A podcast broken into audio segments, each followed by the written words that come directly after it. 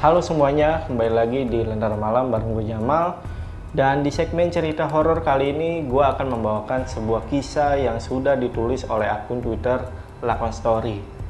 Nah, untuk kalian yang penasaran sama versi tulisannya Kalian bisa klik link yang ada di bawah. Nanti gue taruh di situ. Kali ini kita akan membahas pengalaman mistis yang dialami oleh pendaki wanita pada saat dia mendaki gunung untuk pertama kalinya dan bukan hanya pengalaman misi saja yang dialami, tapi ada satu kejadian yang sangat tidak menyenangkan sampai membuat dia trauma. Dan untuk menghargai privasi narasumber kali ini, semua nama toko disamarkan dan nama gunungnya tidak bisa disebutkan. Oke, biar nggak makin penasaran dan tanpa basa-basi lagi, cerita horor dimulai.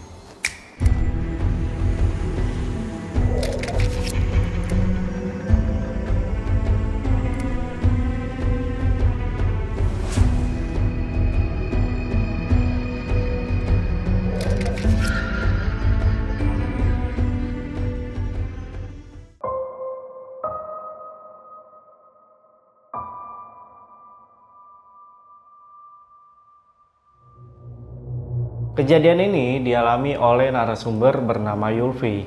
Pada saat mengalami kejadian ini, Yulfi masih berumur 20 tahun. Yulfi mempunyai seorang kakak yang bernama John. Dan John ini diketahui mempunyai hobi mendaki gunung. Nah, berawal dari rasa penasaran tentang bagaimana rasanya mendaki gunung, Yulfi akhirnya memutuskan untuk mencoba ikut kakaknya mendaki gunung karena dia ingin merasakan bagaimana sebenarnya rasanya mendaki gunung. Dan di suatu pagi, Yulfi dan kakaknya akhirnya berangkat mendaki ke gunung yang ada di desanya. Meskipun sebenarnya gunung ini tidak terlalu tinggi, namun menurut pengalaman kakaknya, gunung ini adalah gunung yang sangat cocok dengan Yulfi, mengingat ini adalah pendakian pertama Yulfi. Nah, Kakaknya Yulfi ini juga mengajak temannya yang bernama Bimo. Dan si Bimo ternyata juga baru pertama kalinya mendaki gunung. Singkat cerita, setelah semua persiapan sudah selesai, akhirnya di pagi itu, Yulfi dan kakaknya berangkat menuju pos registrasi yang memang letaknya nggak jauh dari desanya. Dan sesampainya di pos registrasi, mereka sudah ditunggu oleh Bimo yang rupanya sudah duluan sampai di pos registrasi.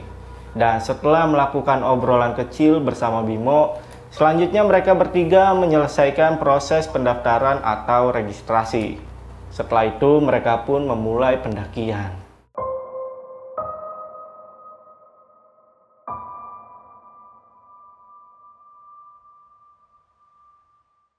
Sepanjang pendakian, mereka tidak mengalami hal-hal yang aneh. Mereka menikmati udara sejuk dan juga pemandangan yang terlihat sangat menakjubkan di gunung tersebut. Dan setelah perjalanan kurang lebih 4-5 jam, akhirnya mereka sampai di puncak gunung. Dan di siang itu, suasana di puncak gunung sangat sepi. Karena kebetulan hari itu bukanlah hari libur. Dan memang Waktu itu juga di gunung tersebut lagi memasuki musim hujan.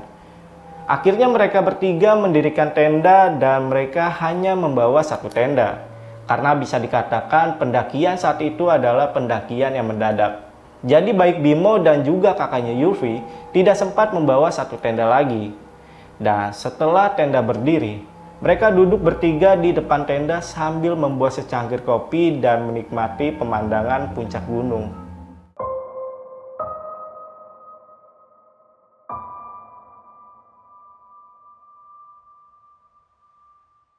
Singkat cerita, malam pun tiba.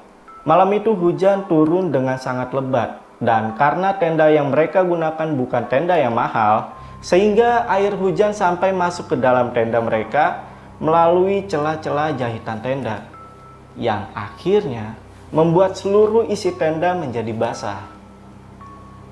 Kak, dingin banget. Jaketku basah. Ya, Dek, sabar ya. Ini kakak bikinin kamu minuman hangat. Karena mereka semua sudah merasa kedinginan, akhirnya Bimo berniat untuk membuat api unggun, tapi dia dilarang sama John. Ya ampun, dingin banget. Kita bener nggak boleh bakar-bakar nih, John. Kan kayu banyak banget nih. Nggak boleh Bim. Dulu memang boleh. Tapi sekarang udah nggak boleh. Karena kondisi ini semakin lama semakin habis. Kalau kita bakar-bakar, besok pagi kalau ketahuan orang base camp, kita bisa didenda. Orang base camp tiap pagi ke puncak sini Bim. Ngecek keadaan puncak. Tapi entah apa yang di dalam pikiran Bimo. Malam itu Bimo tetap bersikuku keluar dan terlihat mengumpulkan kayu yang akan dia bakar untuk menghangatkan tubuhnya. Tapi usahanya sia-sia. Karena nyatanya hingga tengah malam api yang diharapkan tidak kunjung menyala. Karena kayu yang memang masih basah ditambah hujan yang tidak kunjung reda.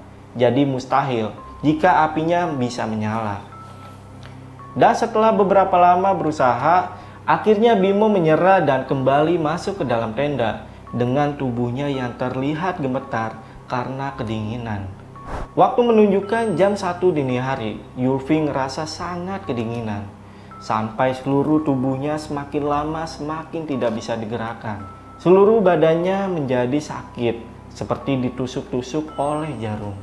Meskipun hujan sudah reda, namun seluruh bagian tenda mereka masih basah, ditambah dengan angin yang terus berhembus kencang. Dan puncaknya, Yulfi sudah tidak kuat lagi menahan semuanya. Hingga telinganya sudah tidak bisa lagi mendengar dengan jelas. Ditambah, pandangannya semakin lama semakin kabur. Dan akhirnya Yulfi terkapar dengan terus merasakan sakit di sekujur tubuhnya. Kemudian Yulfi dipeluk oleh kakaknya sambil ditampar-tampar kecil supaya dia tetap dalam keadaan sadar. Sarung dan jaket kakaknya sudah dibalutkan ke tubuhnya Yulfi. Tapi nyatanya kondisi Yulfi malah semakin buruk. Yulfi hampir kehilangan kesadaran disertai badannya yang tidak berhenti bergetar. Nah, di tengah keadaan setengah sadarnya, Yulfi masih sempat nih mendengar perdebatan kakaknya dengan Bimo mengenai keadaannya. Gimana ini John? Di sini sepi banget. Apa kita turun aja sekarang? Adik lu udah semakin parah. Gimana kalau gua aja yang turun? Sepertinya kalau gua yang turun bakal cepet sampai di pos dan minta bantuan. Mungkin tiga jam udah sampai di bawah. Kalau lu yang turun yang ada lu malah nyasar. Mending lu di sini jagain adik gua. Dan akhirnya kakaknya memutuskan untuk turun seorang diri mencari bantuan ke pos registrasi. Malam itu, Yulfi memang sudah tidak kuat lagi bangun. Jangankan bergerak, membuka mulut untuk berbicara saja rasanya Yulfi sudah tidak sanggup. Namun ternyata semua penderitaannya malah dimanfaatkan oleh Bimo untuk berbuat hal yang sangat tidak bisa dimaafkan.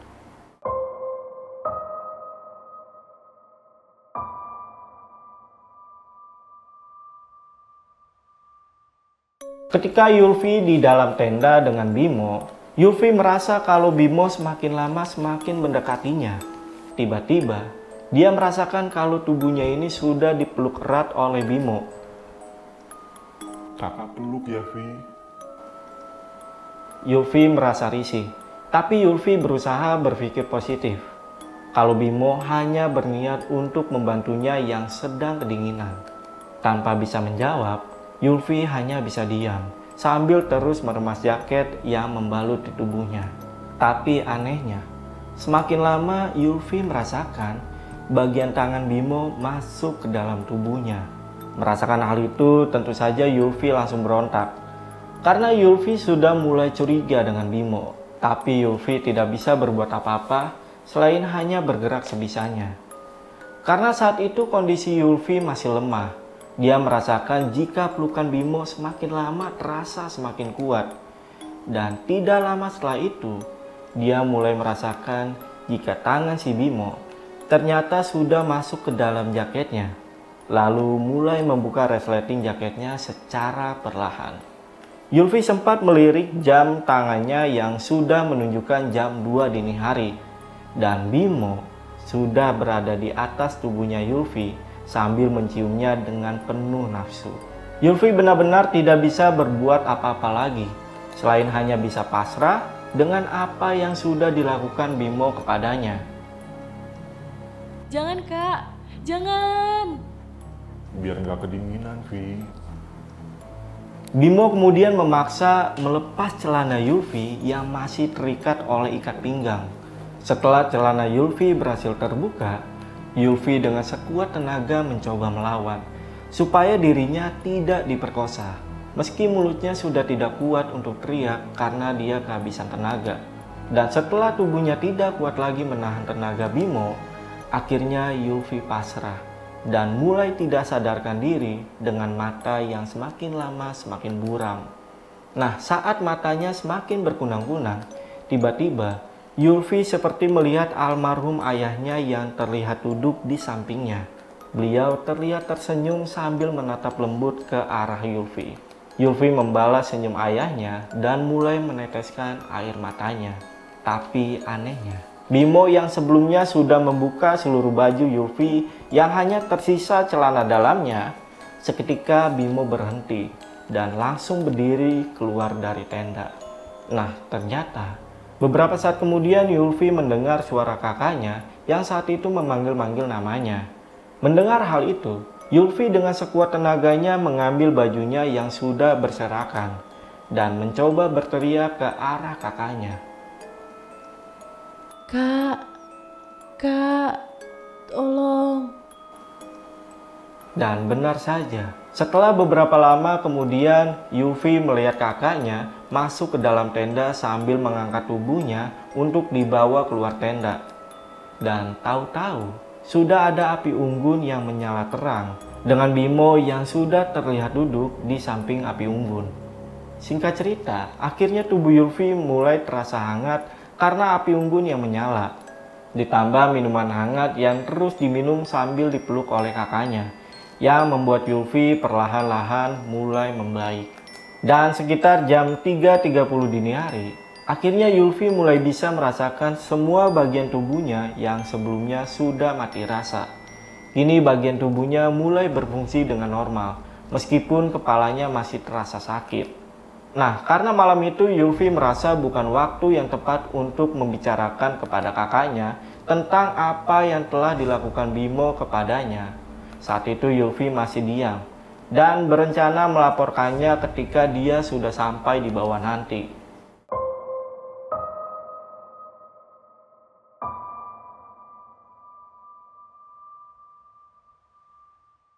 Akhirnya mereka bertiga hanya diam sambil mendekatkan tubuh mereka ke api unggun. Tapi setelah beberapa saat kemudian, Yulvi melihat Bimo sudah ketiduran di tempat dia menghangatkan tubuhnya. Dan tanpa memperdulikan Bimo, Yulvi terus menghangatkan badannya. Nah, di sela-sela Yulvi masih menghangatkan tubuhnya, tiba-tiba pandangannya teralihkan dengan sosok anak muda yang sepertinya adalah pendaki lain yang ada di gunung ini. Sosok pendaki ini berpakaian seperti pendaki pada umumnya, lengkap dengan keril dan perlengkapan gunung lainnya. Namun anehnya, sosok pemuda tersebut sama sekali tidak bergerak dari tempatnya. Dia hanya diam dengan wajah yang tidak terlalu jelas. Melihat hal itu, Yulvi langsung mendekati kakaknya untuk segera memberitahu apa yang sudah dia lihat tapi anehnya, ketika Yulvi mau ngasih tahu ke kakaknya, tiba-tiba kakaknya menoleh ke arahnya sambil tersenyum. Seolah memberi tanda jika sebenarnya dia melihat juga apa yang Yulvi lihat. Mengetahui hal itu, Yulvi kebingungan dan mulai meremas tangan kakaknya. Karena Yulvi menduga jika yang dia lihat adalah makhluk halus. Kak, ayo masuk tenda kak. Aku takut. Tapi kakaknya hanya diam saja. Kakaknya hanya memegang tangan Yulvi supaya Yulvi bisa lebih tenang. Dan gak cuma sampai di situ aja. Di saat Yulvi melihat kalau sosok pendaki ini tidak kunjung pergi, tiba-tiba dia mencium aroma yang sangat tidak sedap yang sepertinya berasal dari kakaknya. Tapi sayangnya, belum selesai Yulvi memastikan aroma tersebut, lagi-lagi pandangannya teralihkan dengan sosok kakek-kakek yang terlihat membawa seikat kayu dan berjalan membungkuk, tepat tidak jauh dari tendanya. Sosok tersebut berjalan begitu saja tanpa menghiraukan keberadaan mereka bertiga. Dan yang paling membuat Yulfi terkejut, salah satu kaki dari sosok kakek tersebut terlihat hancur seperti habis kecelakaan. Darahnya berceceran mengikuti langkah sosok kakek ini yang berjalan secara perlahan. Itu siapa kak? Ayo masuk kak. Yulfi takut kak. Tanpa menjawab perkataannya, kali ini kakaknya menarik tangan Yufi lalu masuk ke dalam tenda. Mereka tidak memperdulikan keadaan Bimo yang saat itu sudah tertidur pulas di luar tenda. Dan gak lama setelah itu, akhirnya mereka tidur.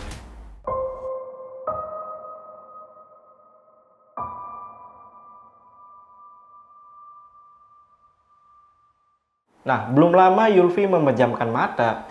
Tiba-tiba, Yulfi terbangun karena Yulfi mendengar ada suara orang yang sedang bersenandung. Suara tersebut terdengar lirih di sela-sela suara jangkrik yang semakin lama terdengar sangat jelas. Mendengar hal itu, Yulfi langsung bangun untuk memastikan sumber suaranya yang dia dengar. Begitu dia menoleh keluar tenda, tiba-tiba Yulfi melihat ada sosok laki-laki parubaya yang duduk tepat di samping Bimo yang lagi tidur. Sosok tersebut memakai baju hitam dengan matanya yang menonjol keluar, ditambah hidungnya yang hanya tinggal sebelah. Dari situ, Yulfi langsung menutup pintu tendanya dengan jantung yang sudah berdegup kencang. Dan dia langsung tidur di samping kakaknya sambil membaca semua doa-doa sebisanya. Mungkin karena badannya yang sudah kelelahan, akhirnya Yulfi bisa tidur. Singkat cerita, sekitar jam 7 pagi Yulfi kembali terbangun dengan suara kakaknya yang membangunkannya dengan nada yang terburu-buru. Vi, Vi, ayo bangun. Ada apa? Yulfi kebingungan. Karena saat itu dia juga melihat ada beberapa orang selain kakaknya yang memakai baju oranye. Alhamdulillah kalau kamu nggak kenapa-napa. Maaf kakak lama ya dek. Maksudnya? Kamu kemarin hampir hipotermia Vi. Ini kakak bawa orang dari bawah untuk evakuasi kamu. Kakak ini ngomong apa sih? Oh iya Bimo mana Vi? Bimo kan kakak tinggal sama kamu juga. Loh, kan kakak biarkan dia tidur di luar. Kan kakak tidur sama Yulfi di dalam tenda. Kamu ini ngomong apa? Kakak kemarin malam turun cari bantuan. Ini baru balik sekarang. Mendengar hal itu, Yulfi terkejut. Lalu siapa yang bersamanya di dalam tenda tadi malam?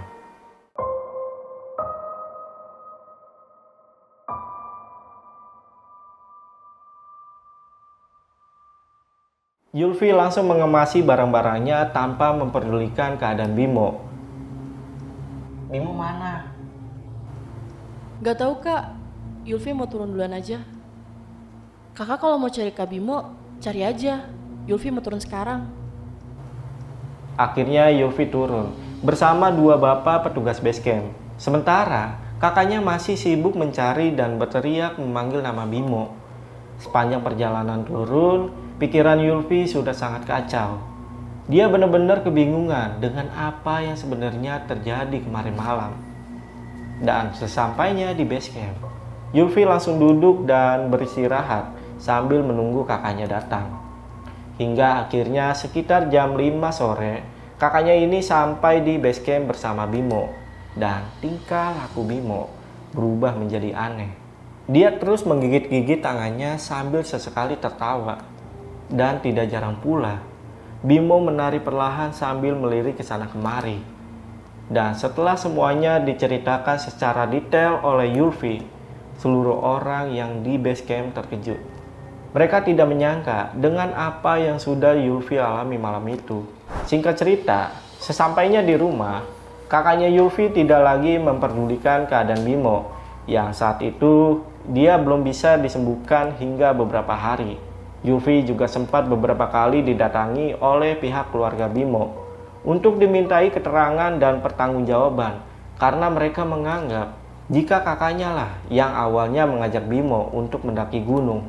Namun setelah menceritakan apa yang telah dilakukan Bimo terhadap Yulfi, akhirnya pihak keluarga Bimo terkejut dan meminta maaf kepada Yulfi. Yulfi dan kakaknya juga sempat ingin menuntut Bimo melalui jalur hukum karena tindakannya. Tapi mengingat keadaannya yang sudah tidak memungkinkan lagi, akhirnya mereka semua memutuskan untuk berdamai dan tidak lagi memperdulikan keadaan Bimo.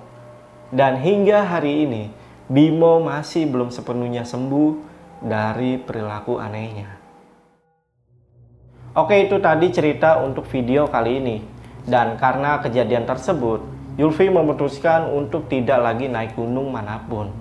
Meskipun Yulfi sendiri tidak menyangka jika perjalanan ke gunung sebenarnya adalah perjalanan yang sangat menyenangkan tapi dengan adanya pengalaman seperti ini, semoga bisa menjadi pelajaran bagi siapa pun agar dapat lebih berhati-hati lagi dalam melakukan perjalanan ke mana pun kalian pergi. Yaudah, mungkin untuk video kali ini cukup. Gua Jamal dari Lentar Malam. Bye.